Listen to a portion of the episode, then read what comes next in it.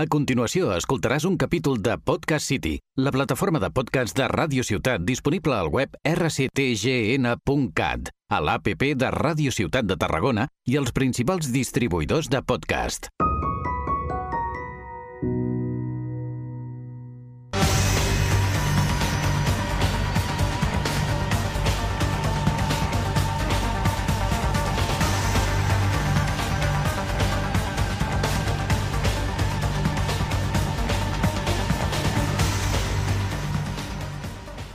Hola a todos y bienvenidos a un nuevo episodio de El mundo que nos rodea. Como siempre, seguimos en marcha eh, en esta aventura de descubrir todo el mundo que nos rodea. En este quinto episodio hablaremos de, de dos temas y buscaremos algunas de las cosas que tienen en común. Y por supuesto, contaremos con un invitado. Empecemos.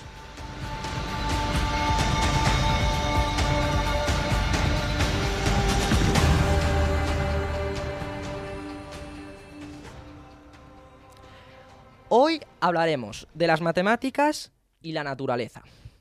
Así de entrada puede parecer un poco extraño, ¿no? Pero ya veréis que es algo muy interesante y también descubriremos las peculiaridades, eh, las peculiaridades de la, de la naturaleza, en las que vemos así de bonitas, impresionantes, y algunas son gracias a las matemáticas. En la naturaleza es frecuente encontrar patrones matemáticos fascinantes formas de algunas plantas, animales y entornos nos llevan a preguntas existenciales, como si es posible que los propios organismos se diseñen de esta manera, o si habrá alguna mente maestra proporcionando la génesis de estas estructuras. Hoy, en el episodio, nos acompaña eh, Jordina Mariné. Ella está licenciada en matemáticas eh, en una universidad de Estados Unidos y viene a explicarnos esta relación entre las matemáticas y la naturaleza. Bienvenida, Jordina. Hola, Dani. ¿Qué tal? ¿Bien? Sí, sí, muy bien. Bueno, pues empiézanos eh, explicando así, introduciéndonos el tema de qué relación hay entre las matemáticas y la naturaleza. A ver, o sea, principalmente las matemáticas estudian, como tú has dicho, los patrones en general. Y bueno, en la naturaleza se ha estado estudiando durante muchísimo tiempo porque, em, bueno, es lo que la gente podía ver y observar de primera mano, ¿no? Entonces, em, se ha observado un montón tanto la reproducción de animales como el crecimiento de las plantas, los animales que tienen las diferentes, las diferentes formas en general, como basta, o sea, se ha observado como mucho lo que consideraríamos como los seres vivos, ¿no? Todo esto tiene una relación matemática, ¿verdad? la gran mayoría de seres vivos podríamos decir que sí siguen una un patrón aproximado, que todo puede relacionarse, bueno, no todo, pero muchos de los elementos de la naturaleza pueden relacionarse con lo que se conoce como la divina proporción, que fue muy, muy estudiada por Leonardo da Vinci, de hecho. Y de, esta proporción que nos hablas, de la relación entre las matemáticas y la, y la naturaleza, explícanos qué es. ¿Puedes repetir la pregunta, perdón? Sí, la, relación que hay, o sea, la proporción en esta relación entre la naturaleza y las matemáticas, ¿cuál es? Explícanos cómo es. A ver, em, matemáticamente se dice que la divina proporción, o también conocida como el número de oro, la proporción áurea, o la razón de oro, o la razón áurea, es cuando el patrón que tú sigues, ¿vale? Cuando divides los dos, o sea, los dos números estudiados te da un una ratio de aproximadamente 1,618. Dani, es que me oigo a mí misma todo el rato. Bueno, hemos tenido un pequeñito, un pequeñín problema técnico, pero parece que está solucionado. Jordina, ¿estás aquí de vuelta? ¿Nos oyes? Sí, sí. Vale, perfecto. Eh, bueno, nos habíamos quedado, eh, no- no- nos has estado explicando, nos has estado hablando sobre la relación que hay entre las matemáticas y la naturaleza y nos has empezado a hablar de una proporción. Sí, explícanos un poquito cómo, cómo es esta proporción y de dónde Vale. viene.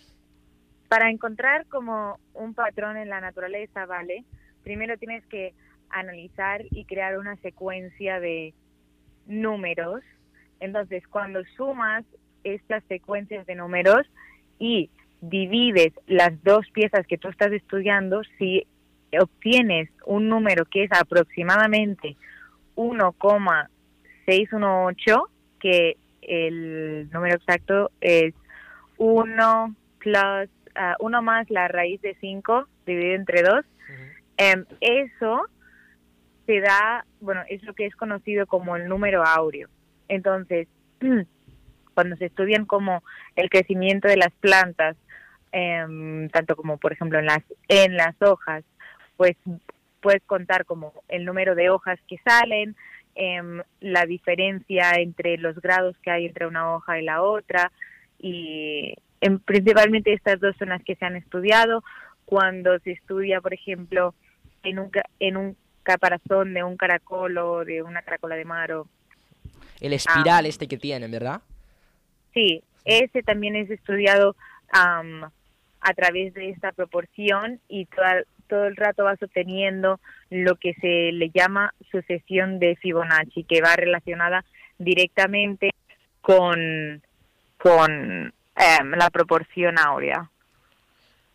Vale, y dentro de, de- de esta proporción nos has estado explicando, puede ser sobre la razón de oro, ¿verdad? O, o era Sí. el, el número O oro. sea, sí. Es, es exactamente lo mismo y de hecho Ah, vale, en, en el ser humano, si tú divides, creo que es am, la, la medida de los brazos desde una punta de una mano hasta la otra con em, la tu altura total obtienes eh, también la razón de oro. De hecho, como la gente que está como más proporcionada se dice, em, tiene, o sea, obtiene un número bastante aproximado a 1,618. Entonces, la gente que, que, por ejemplo, tiene un, un brazo más largo que el, que el otro o una pierna más larga que, el, O sea, que, que la otra, el número saldría menos aproximado a esta razón de oro. Mm, No, creo que, o sea, de hecho, va como comparado con desde, como los dos brazos van juntos, desde una punta del, del dedo del medio de un brazo cuando lo estiras hasta el otro y tu altura total. O sea, no importa si tú tienes como una pierna que más larga que la otra, es como tu altura total, ¿entiendes? Sí, sí. Vale, entonces eh, después también mm, al principio nos has comentado sobre la proporción áurea, ¿verdad? Esta Sí, sería... que es lo mismo que, Sí, es lo mismo, exactamente lo mismo que la de una proporción o la razón de oro. Matemáticamente sí se dice que una razón es la división entre dos números y una proporción es cuando hay una igualdad, una igualdad entre dos razones, pero en ese caso se usa indis- o sea, indistintivamente. Vale. Indistintamente, sí, perdón. sí. Entonces, el... Entonces, el nombre áureo, ¿verdad? Sería el que encontramos en esta proporción, ¿o no? Sí, ¿Sí? sí, es el que es obtenido de dividir em, estas, estos dos, o sea, dos números, Entonces, para que es este, el 1,618. Sí. Es, Ujú. ¿Y es 1,6 u- es 1,68 o es, No, Uno- o sea, esto es una aproximación. es una aproximación? Es una- infinito, ¿no? El número. Sí, es un Sí. número, es de hecho, es conocido como el número más irracional, de hecho, Hmm. y viene dado por ese, ah, por esa fracción de 1 más raíz de 5 dividido entre 2. ¿Qué, si- qué significa que es el, el- número más irracional? Explícalo un poquito esto también. Vale, a ver, un número em, irracional es un número que no puede estar representado por ninguna am, fracción completa. Entonces, la raíz de 5 es un número que tiene como muchísimos decimales, decimales y que nunca se repiten, o sea, no se puede encontrar un periodo entre ellos. Entonces, nunca podrías encontrar como algo más exacto de dos números enteros que tienes que incluirle como este radical que no puedes simplificarlo más. Entonces, por eso se conoce como un número irracional. ¿Entiendes? sí, sí, sí. Y entonces, eh, toda, esta, eh, eh, toda esta proporción y, y razón, ¿qué, ¿qué, relación sigue? ¿Están relacionados entre ellos? Mm. ¿O son cosas diferentes? Mm, o sea... ¿Entiendes o no la pregunta? No mucho, pero en plan, creo que a lo que te refieres es como si, por ejemplo, o sea, como las plantas siguen como un patrón que da paso, o sea, que da a que sea la proporción áurea, que cumplan con la, con la proporción áurea. Em, los animales siguen un patrón que acaba cumpliendo con la proporción áurea, pero no hay ninguna relación entre los dos, simplemente es como que mm, ha sido como casualidad que todos cumplan con eso, o sea, no hay, no se sabe el motivo de por qué todos acaban cumpliendo con la proporción áurea, ¿entiendes? Sí, vale, nos has explicado algunos ejemplos, ¿vale? sobre todas estas proporciones y números, ¿verdad? Explícanos, eh, no sé, ¿podrías coger un ejemplo claro y detallarlo un poquito para que se pueda entender con un ejemplo? Vale, a ver, eh, pongamos, ok, si cogemos como la caracola, hmm. una caracola, ¿vale? Entonces la metemos dentro de un rectángulo y seguimos el arco que hace, ¿vale? Vale. Entonces ese, ese rectángulo lo dividimos por la mitad y veremos que en plan nos da como dos arcos completamente iguales, ¿verdad? Entonces, si en el rectángulo de la derecha lo divides por la mitad otra vez, vemos que nos dará otra vez dos arcos completamente iguales. Y si dividimos el rectángulo que nos queda en la parte inferior otra vez, vemos que nos quedan dos arcos completamente iguales. Y así si vamos siguiendo, podemos tener como infinitos rectángulos, ¿verdad? Entonces, si tú numeras estos rectángulos eh, y como los dos más pequeños les pones como 1, 1, les, das una como un área de uno. Entonces, el rectángulo siguiente, como que te queda como más grande, tendría un área de dos. Entonces, el rectángulo siguiente que te queda tendría una área de uno más dos. Y así infinitamente, y te vas, o sea, vas viendo que hay un patrón que será uno, uno, dos, tres, cinco, ocho, y así infinitamente. Y cuando sumas esto, te da eh, bueno, es lo que se le llama la sucesión de Fibonacci, que de hecho eh, sigue la ¿Puedes repetir esto, esto último que se está como entrecortado y, no lo he llegado a entender? Esta última palabra. sí, sí. Sí, que cuando sumas em, estos números, va, o sea, eso es lo que se le llama la sucesión de Fibonacci, que está, está relacionado con la proporción áurea. Vale, y más allá de, de, nuestro mundo, más allá me refiero eh, al, al, espacio, eh, ¿podríamos encontrar de alguna manera estas proporciones?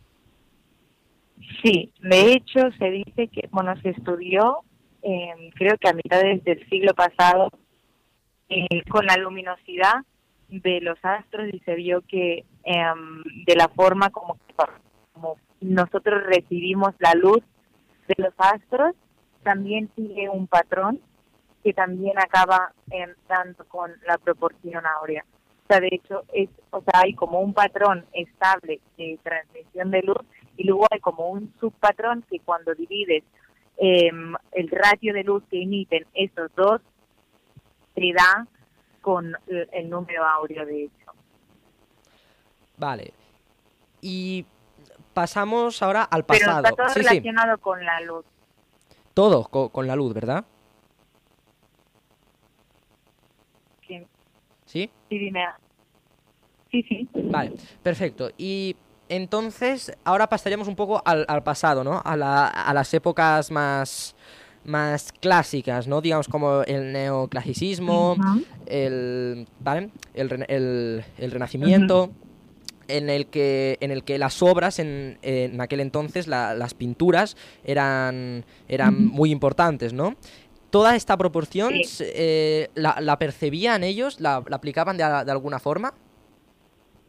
Sí, o sea, de hecho, desde la antigua Grecia, casi todos los monumentos griegos em, contienen la proporción áurea. El Partenón es uno de los mayores ejemplos de la proporción áurea, ha estado como muy estudiado solo por eso.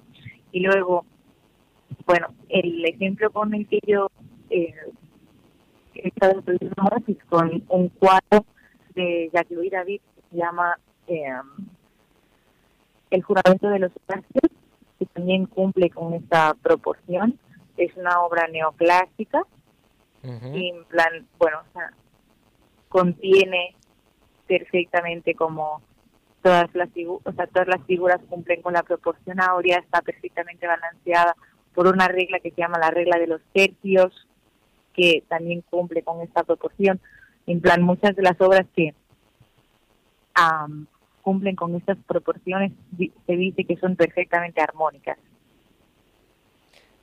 Vale, entonces eh, en, en esto consistiría que, eh, que una obra tenga eh, la proporción áurea, ¿verdad?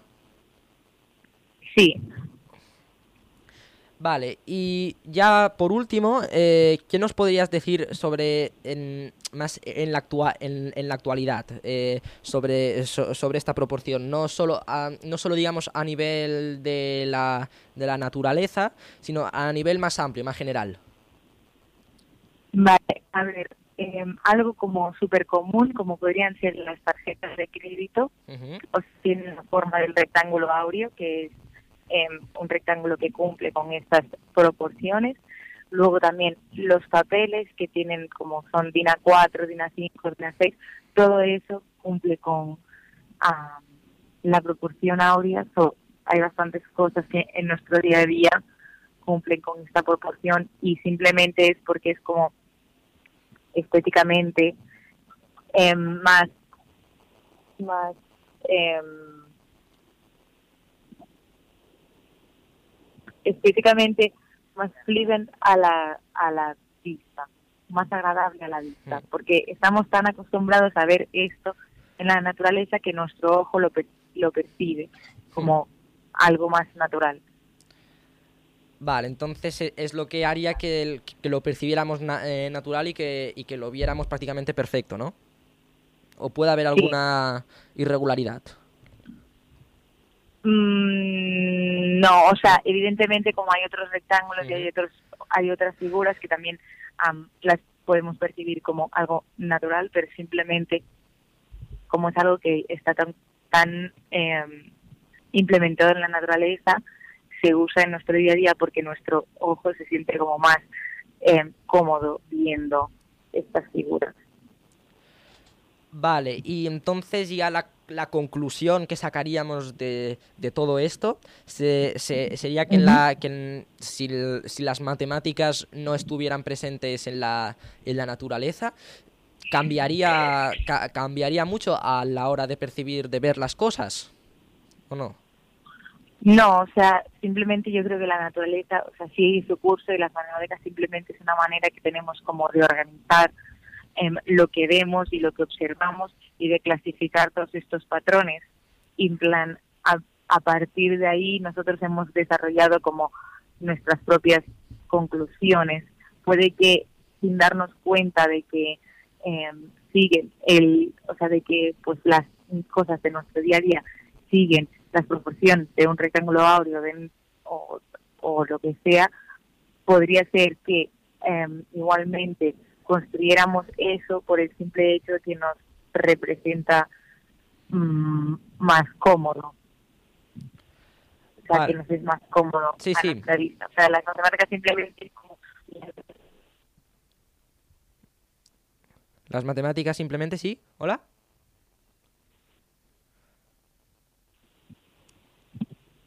Dani. Sí, sí, continúa. Te escuchamos. Ha habido como un pequeño corte, pero continúa, continúa. No, que simplemente que las matemáticas esta, es esta herramienta que usamos para como describir estos patrones y clasificarlos, en plan como darles un nombre, pero que podría ser que sin darles ese nombre los utilizáramos igualmente. Vale, pues pues muy bien, hasta aquí hasta aquí hasta aquí llegaría el eh, la entrevista. Muchísimas gracias. Gracias, Dani. Muchísimas gracias. Vuelve cuando quieras. Adiós. Adiós, adiós.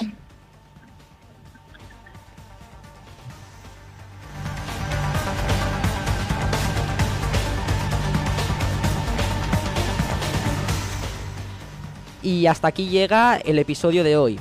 Eh, espero que os haya gustado y hayáis podido aprender un poquito más sobre, sobre todo este tema del, mundo que nos rodea, ¿no? Sobre las matemáticas, eh, relacionado eh, la relación que hay entre las matemáticas en la naturaleza, la proporción, razón de oro, la proporción áurea, el número áureo, también en el pasado hemos estado hablando sobre, sobre, cómo se representaba todo esto en el pasado y más allá del espacio, ¿no? digamos.